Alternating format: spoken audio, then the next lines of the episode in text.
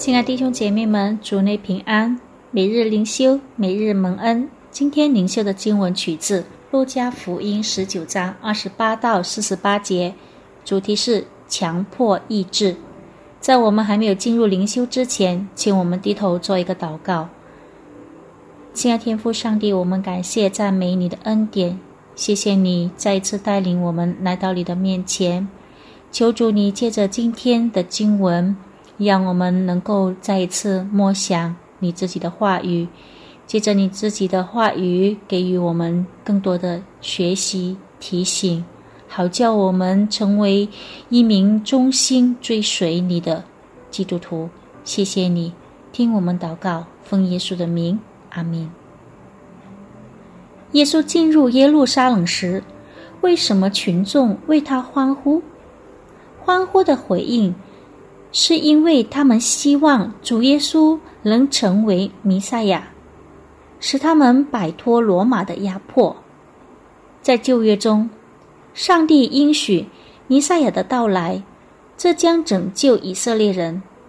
根据撒加利亚书十四章四节，弥赛亚将在橄榄山上出现，橄榄山将从东向西一分为二。形成一个大山谷，在撒加利亚书九章九节中，弥赛亚被描述为国王，他将骑着驴，就是骑着驴的妻子。撒加利亚书中的预言是在主耶稣经过一座山，名叫橄榄山上的伯法奇和伯大尼前往耶路撒冷城时实现的。当时，主耶稣命令他的两个门徒带走或借用从未骑过的小驴。我们可以从路加福音十九章二十九到三十节，以及马太福音二十一章二到三节做一个比较。的确，主耶稣是上帝应许的弥赛亚。众人多半把衣服铺在路上。还有人砍下树枝来铺在路上。我们可以看马太福音二十一章八节。前行后随的众人喊着说：“何沙那归于大卫的子孙，奉主名来的是应当称颂的，高高在上的何沙那。”我们可以看马太福音二十一章第九节。他们希望主耶稣会成为去耶路撒冷领导叛乱，并将他们从罗马帝国的压迫中解救出来的弥赛亚。他们希望耶稣基督能够做出各种奇迹，能够征服罗马人。但是，现实与人们的期望不符。耶稣基督去耶路撒冷不是为了与罗马入侵者作战。而是为罪人牺牲自己。